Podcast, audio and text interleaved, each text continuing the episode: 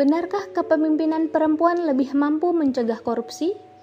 Menteri BUMN Erick Thohir akan menambah 25% porsi kepemimpinan perempuan di jajaran direksi dan komisaris perusahaan milik negara sampai 2023 sebagai upaya kontrol menekan resiko korupsi. Sebelumnya, pada program KPK Saya Perempuan Anti Korupsi SPAM dicanangkan agar perempuan berperan menjadi agen pencegahan korupsi dan mewujudkan Indonesia bebas dan bersih dari korupsi dengan menjadi roda penggerak dari lingkungan terkecil, yakni keluarga. Hal ini juga senada dengan agenda global akan kampanye kesetaraan gender.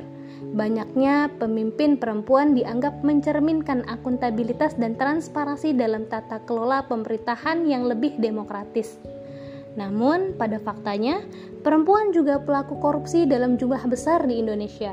Majalah terbitan KPK memaparkan catatan 46 perempuan terjerat kasus korupsi sejak tahun 2006 hingga 2016. Riset Indonesia Corruption Research juga menemukan bahwa perempuan Indonesia permisif dengan perilaku korupsi sebanyak 46 persen. Hal ini menunjukkan anggapan peningkatan pimpinan perempuan dalam BUMN bukanlah solusi tepat untuk memberantas korupsi.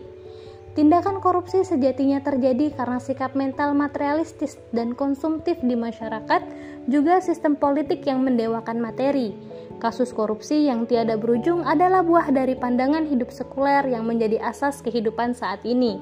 Sekularisme telah memberikan ruang atas merebaknya praktek korupsi karena sistem ini menafikan penerapan aturan Allah dalam kehidupan dan manusia dibiarkan membuat aturan dengan disetir oleh hawa nafsu. Korupsi tidak akan mampu diselesaikan dengan kepemimpinan perempuan dan penerapan kesetaraan gender, sebab akar masalahnya ialah sistem kehidupan yang tengah berjalan saat ini. Islam telah mengharamkan segala bentuk korupsi oleh siapa saja.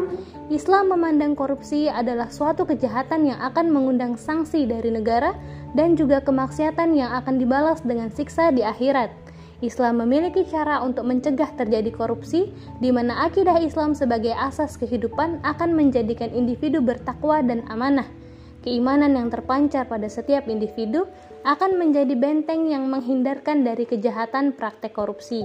Masyarakat dengan budaya amar ma'ruf nahi mungkar pun tidak akan membiarkan praktek korupsi. Negara dengan sistem kuat dan komprehensif akan menutup semua celah korupsi. Sistem ekonomi yang kuat juga hadir untuk menjamin tiap kebutuhan hidup individu rakyat tercukupi dengan layak.